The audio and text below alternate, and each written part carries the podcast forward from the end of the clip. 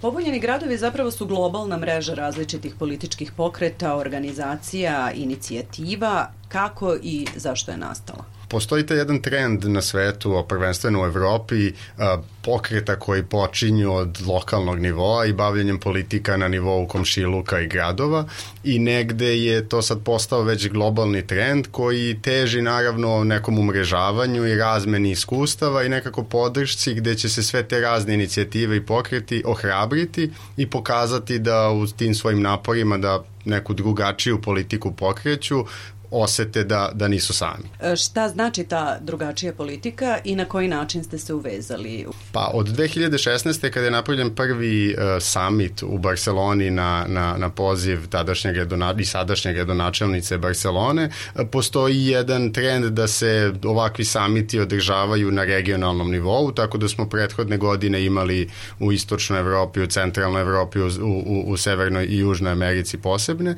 tako da smo mi sada želeli da nekako u ovom regionu, uh, okupimo ljude koji se bave sličnim stvarima, da se malo razmenimo iskustava i međusobno ohrabrimo u narednim jel da poduhvadima koji sve slede. Moto je promena dolazi od ozdo. Uh, šta podrazumeva vraćanje gradova i opština u ruke običnih građana i na koji način to može da funkcioniše? Pa u našem lokalnom slučaju je to polazak od nečega što su nekada bile mesne zajednice, što je negde odlučivanje o našim životima u najživotnijem smislu kako će naša ulica izgledati, kako će naš park izgledati, u kako ćemo školu ići, kakav će biti javni prevoz kojim se vozimo svakodnevno do posla. I mislimo da je to negde ta promena paradigme da mi moramo da uzmemo stvari u svoje ruke i da ne očekujemo negde promenu koja dolazi od, od političara na vrhu, od predsednika države i slično, nego da sami upravljamo svojim životima i svojim krajem. Jedan region ista borba naziv je jedne od tribina u okviru međunarodne konferencije koja se održava u Beogradu. Šta je to što povezuje Beograd i Zagreb?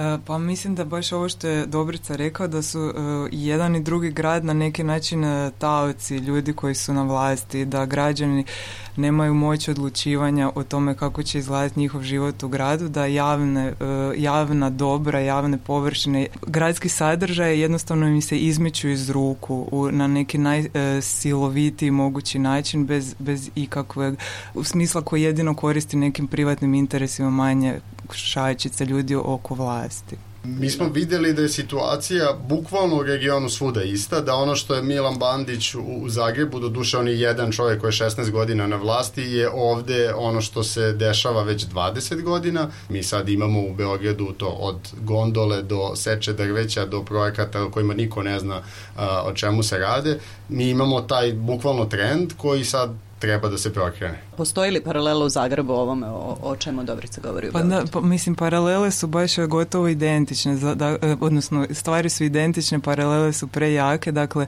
e, naš gradonačelnik sad najavljuje e, Zagreb na Savi i otvoreno govori da je to po uzoru na vrlo uspješan beogradski projekt.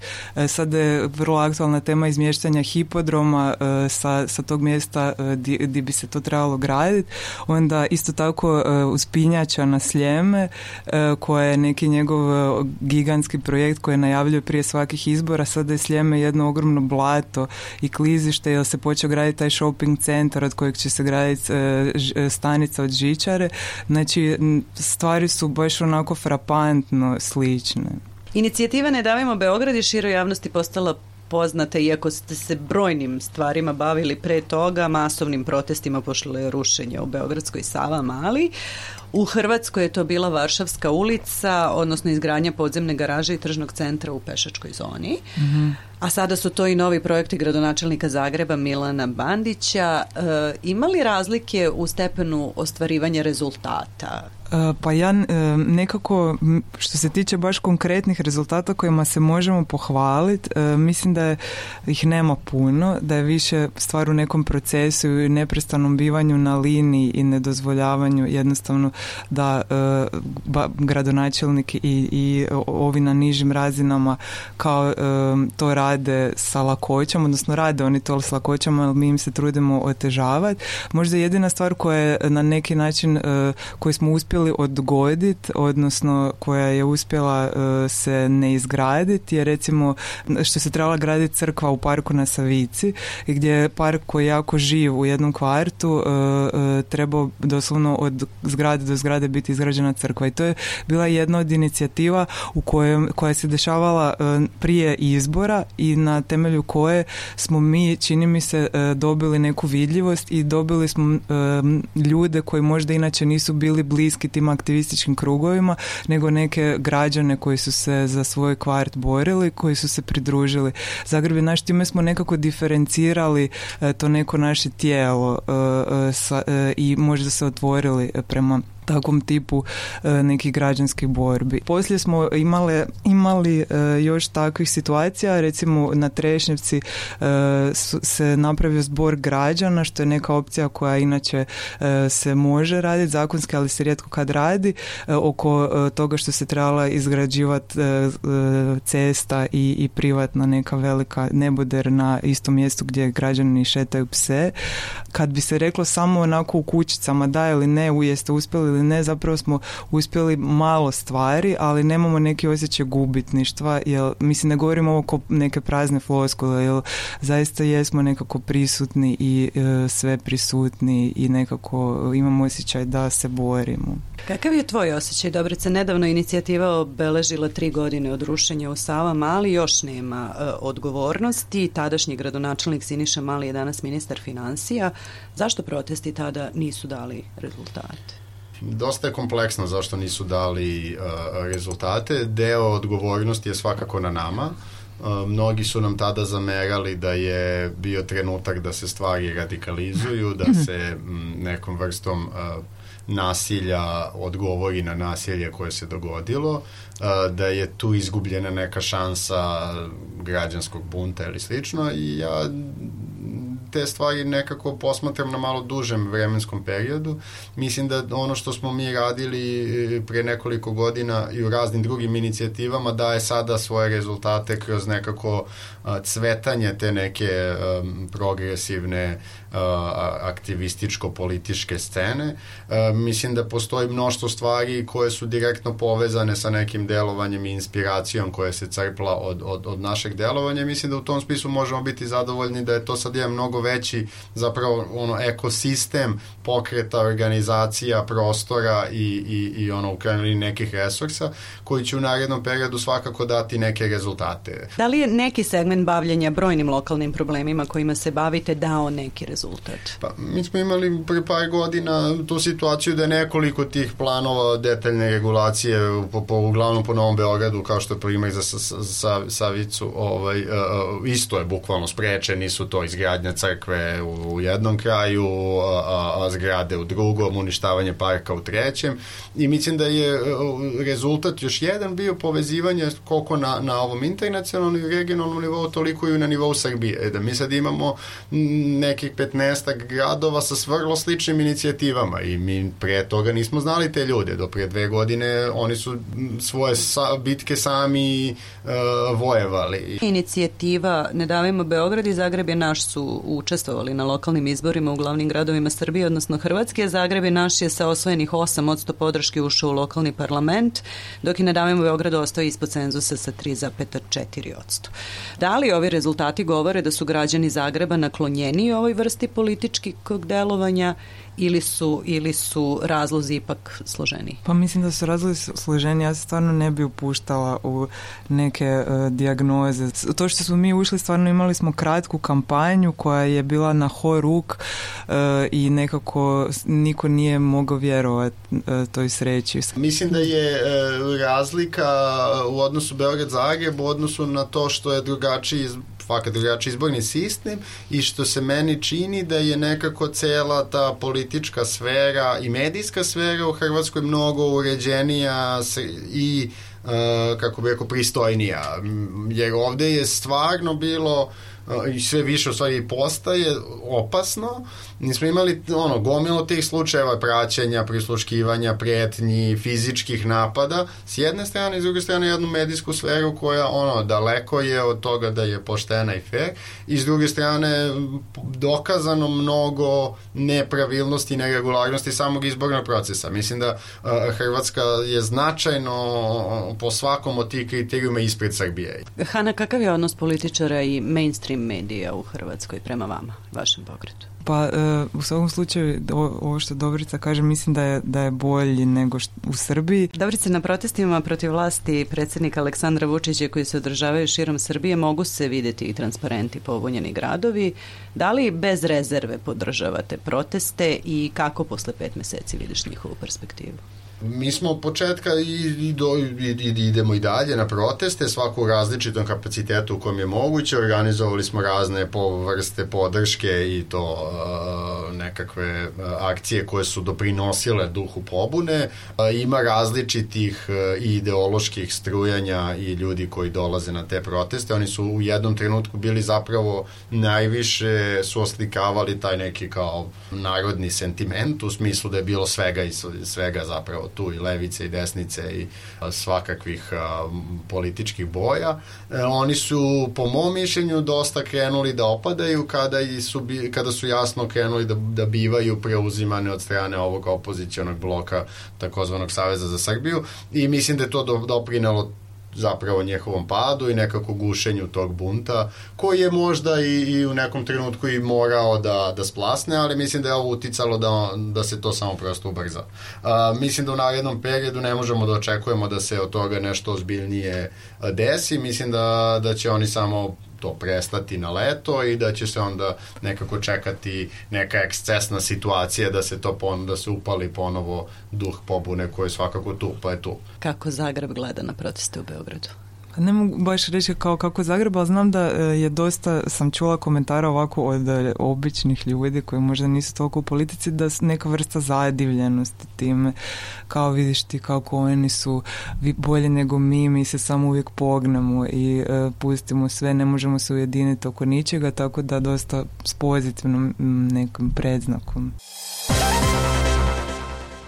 U intervju nedelje za Radio Slobodna Evropa govore Hana Jušić ispred političke platforme Zagreb je naš i Dobrica Veselinović iz inicijative Ne davimo Beograd.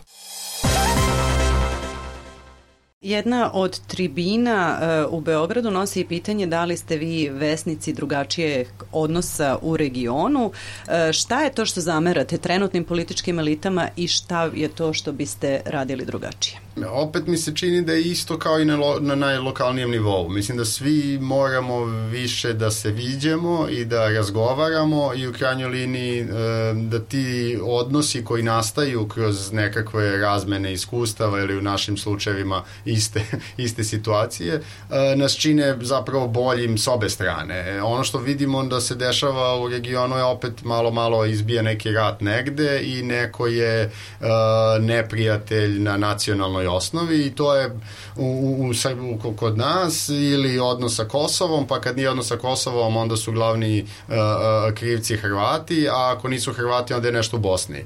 Ja mislim da to zapravo i služi elitama na, na, na, na vrhu i, i velikim tim političkim partijama kod nas koji su zaposele javnu sferu da, da zamagljuju oči građanima od pravih problema. Jer mislim da zapravo nas mnogo više stvari povezuju nego što nas razdvajaju, pogotovo na ovom najlokalnijem nivou nivou i mi smo se zato trudili da negde dovedemo bukvalno sve iz, sva, iz svake zemlje bivše Jugoslavije a, i malo šire od, od toga u ovom regionu ljude da, da, da pokažemo da je to sve isto i da se zapravo razumemo i da pričamo, o, jako možda ne pričamo istim jezicima svi, ali da, da su nam problemi isti i da su nam negde želje za drugačijim regionom i odnosom među, među državama, samim tim i među ljudima a, nekako prioritet. Kako ste se povezali? Mislim da od, od, ne znam, nekako je povezivanje bilo sasvim prirodno od nekih deseta godina ili više od toga, su, pošto su i borbe iste, nekako se onda i u regionu ljudi povezuju i gledaju ko šta radi i pokušavaju da nađu negde utočište, saradnju i slično. Od slučaja sa Varšavskom koji se u nekom drugačijem malo obliku ponovio u Beogradu, pa onda do Skoplja, do, do, do, do, do Crne Gore, do, do Sarajeva. Mislim, nekako M nas spaja isti jezik, M nas spaja zajednička prošlost, M su problemi uh, u koje nas uh, političke elite ubacuju bukvalno identični, tako da je logično da se mi negde ovaj, povežemo. Međunarodnoj konferenciji u Beogradu prethodila je pored ostalog i ona u Njujorku. Šta je to što povezuje gradove Balkanskih zemalja i Sjedinjene države, a i šire? Za neke od ljudi koji su bili u Americi e, na nekim od edukacija iz Zagrebe, naš znam da je dosta se govorilo o takozvanom Ken canvassingu, e, o tome da se treba ići od vrata do vrata i pričati s ljudima i na neki način ih e, ispipavati, educirati, e, osluškivati koje su njihove potrebe i da se, da se ne bi trebalo zatvarati i nego izlaziti među ljudi i da je to nešto što je trend među nekim lijevim opcijama i da je to nešto što je zajedničko. Dobrice, gde sve postoji mreža pobunjenih gradova i kakve rezultate ostvaruju ovi pokreti u svetu? Pa dosta je šarenoliko. Rekao bi od onih koji imaju vlast u nekim gradovima. Poput Barcelone. Na primjer, Barcelone, do toga da, da su to mreže e, lokalnih odbornika ili e, pokreta koji su se javljali i dosta brzo uspeli da uđu u skupštine opština ili skupštine gradova. E, mislim da tu ima um, jako velikog i potencijala za neki budući rad uh, i dalje povezivanje. Tu postoji nekako još uvek mnogo rada da se tu negde u, u, uopšte ideološki i vrednosno i nekako po nazivu uobliči šta je to konkretno, jer je zapravo jedna nova stvar koju smo, mi smo preveli opštinarstvo, koja je dosta na tragu nekakvog samo, samoupravljanja koje je bilo u bivšoj Jugoslaviji dosta ovaj zastupljeno koji sad se otkriva pogotovo u, zapadnoj Evropi kao nekakav novi trend uh, upravljanja na, između tržišta i države. Uh, Hanna, kandidat na izborima za Evropski parlament, bio je jedan od osnivača platforme Zagreb je naš Tomislav Tomašević.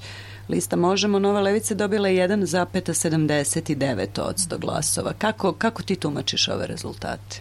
Pa mislim, uh zbog toga što jednostavno nam se bilo jako teško, odnosno bilo im se jako teško proširiti na područje cijele Hrvatske i Zagreba, zbog toga e, zbog ono manjka resursa, manjka medijske pažnje, zbog toga što se parlamentarni, europarlamentarni izbori onako nisu pretjerano bitni u nekoj e, vizuri ljudi, jer im se čini da ništa ne utječu na njihove živote. Ovim velikim strankama je u interesu e, da, ne, da izađu samo njihovi vjerni birači, da nema tu nekog razlomljavanja, a ono što je jako zabrinjavajuće neovisno o rezultatima možemo što je uh, dobilo uh, što je desnica na neki način pokazala svoj triumf i to krajnja neka desnica na ovim izborima što se uh, HDZ okrenuo više tom nekom sre, Angela Merkelovskom centralnom popisu ljudi koji bi išli u parlament i onda je ova krajnja desnica se tu rasplamsala, HDZ-ovi birači su okrenuli njoj. I ne davimo Beograd Zagreb je naš pripadaju levim zelenim opcijama i zeleni uh, su dobili preko 10% više mesta, poslaničkih mesta u Europarlamentu. Meni se čini da ceo taj trend traje dosta dugo sa urušavanjem prosto klime i klimatskim promenama i, i nekako desetinama godina ukazivanja na da će se dosta loše stvari desiti koje se sve više dešavaju, je morao u nekom trenutku da, da se i politički artikuliše i mislim da pogotovo posle ovih đačkih protesta širom sveta i petkom za budućnost e, smo videli da, da to ima i političku artikulaciju kroz partije zelenih, pogotovo na evropskom nivou. Da li je to dovoljno da se neki od tih procesa promena klime uh, spreči, ne znam, ali evidentno da je to nešto što je što su i obični ljudi počeli da shvataju kao jedan od gorućih problema. Jer ako se ne, ne reši situacija sa klimom, nećemo imati gde da živimo, prosto to je jedno glavno pitanje.